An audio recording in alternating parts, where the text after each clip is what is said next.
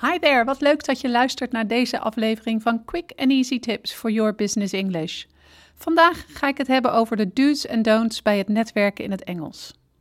Mijn naam is Anneke Panelle Drijver van Improve Your Business English en de auteur van het boek Master Your Business English: Communicate with Power in 7 Simple Steps.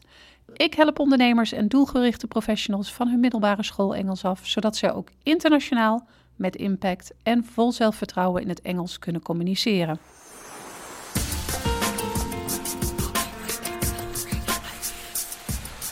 Het belang van netwerken is je vast al lang duidelijk.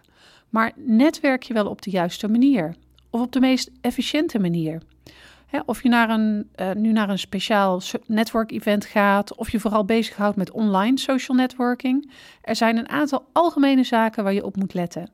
En deze podcast heeft zowel betrekking op netwerken in het algemeen als netwerken in het Engels. Je kunt hem dus ook erg goed gebruiken als je vooral netwerkt op Nederlandse evenementen. Een juist netwerk kan ontzettend veel voor je betekenen. En het zou zo jammer zijn als je steken laat vallen omdat je belangrijke aspecten over het hoofd ziet. Daarom help ik jou om je networking skills te optimaliseren met in totaal 6 do's en don'ts voor tijdens het netwerken. Ik begin met de drie do's. Allereerst, zorg ervoor dat je een elevator pitch hebt. Hiervoor moet je goed voor ogen hebben waar je voor staat, wat je doet en hoe je dit kort kunt toelichten. De beste manier om ervoor te zorgen dat dit geregeld is, is door tijd uit te trekken voor het schrijven van een korte introductie over jou of je bedrijf en die vervolgens uit je hoofd te leren, zodat je deze altijd paraat hebt. Vermeld in ieder geval je naam, je bedrijf, met wie je zaken doet, waar jij je in specialiseert, wat je doelen zijn en wat je te bieden hebt. Dit klinkt misschien als een hele opsomming, maar het kan echt in een paar zinnen. Een voorbeeld. Hi, my name is Peter de Jong. I'm the CEO of Marketing Consultants. We're based in the Netherlands and we've got clients in most European countries. We're specialized in online and social marketing, and it's our goal to make marketing easier, cheaper, and less time consuming for international startups. Zo kort kan het zijn en alle belangrijke informatie zit verwerkt in dit stukje. Wil je het nog eens teruglezen? Ga dan naar de website www.improveyourbusinessenglish.nl en zoek deze podcast op. Tip 2. Mingle and participate. Oftewel, meng je onder de mensen en neem actief deel. Ben jij iemand die online netwerkt? Doe dan mee aan nuttige discussies. Zo zien mensen je naam voorbij komen en als je dan ook nog eens iets zegt waar zij het mee eens zijn, dan is er een grote kans dat ze doorklikken. Maar blijft natuurlijk wel beleefd tijdens zo'n discussie, anders kan het eerder voor anti-reclame zorgen dan voor reclame. Wil je graag online gaan netwerken of hier actiever gebruik van maken? Word dan lid van een uh, online groep uh, op Facebook, LinkedIn, Google die nuttig kan zijn voor jouw bedrijf. En jouw doelgroep in deze groepen is sterk aanwezig en vergeet de potentiële zakenpartners die lid zijn van deze groepen. Hou je meer van netwerken op events? Sluit je dan eens aan bij onbekenden en stel je voor. Als er iemand alleen zit, ga dan naar deze persoon toe en uh, maak een praatje. Je weet maar nooit wat iemand voor je in petto heeft. Wees geïnteresseerd en stel vooral veel vragen. En over vragen gesproken, dit is een mooi bruggetje naar punt 3. En die is namelijk: stel open vragen. Het stellen van open vragen toont niet alleen interesse, maar is ook een perfecte manier om te achterhalen of je met iemand praat met wie je professionele raakvlakken hebt. Zo kom je erachter of de ander wellicht iets voor jou kan betekenen, of andersom, nu of in de toekomst. Focus daarom niet alleen op je eigen doelen, maar toon echt interesse en luister goed naar wat de andere te zeggen heeft.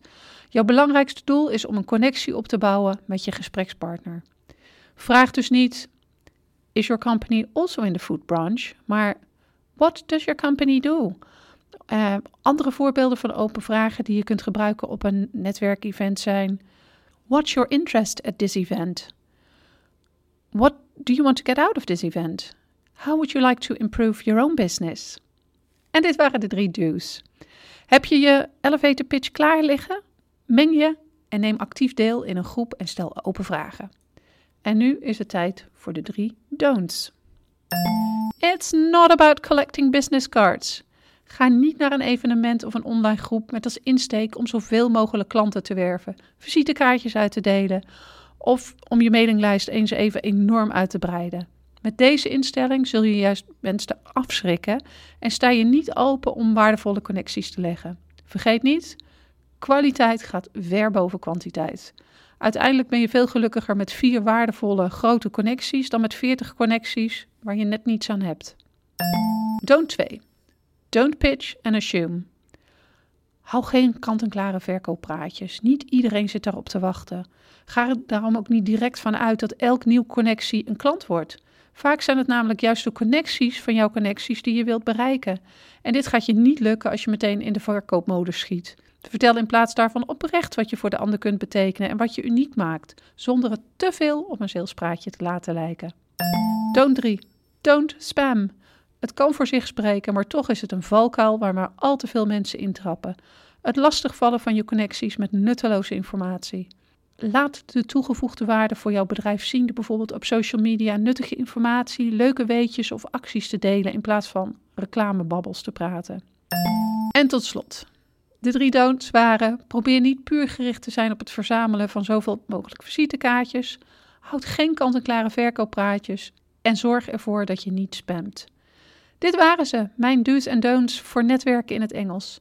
Ben je nou benieuwd welke vragen je kunt gebruiken bij het netwerken in het Engels? De allereerste podcast van Quick and Easy Tips for Your Business English, genaamd 7 Foolproof netwerkvragen, gaat daar uitgebreid op in. Vergeet dus niet om die te luisteren of in ieder geval even op te slaan en te bewaren voor een later moment. In de volgende podcast wil ik het met je hebben over small talk. Ik hoop dat je dan weer luistert. Wil je niets missen? Vergeet dan niet je te abonneren via het kanaal waarop je luistert of via www.improveyourbusinessenglish.nl. See you next time met quick and easy tips for your business English.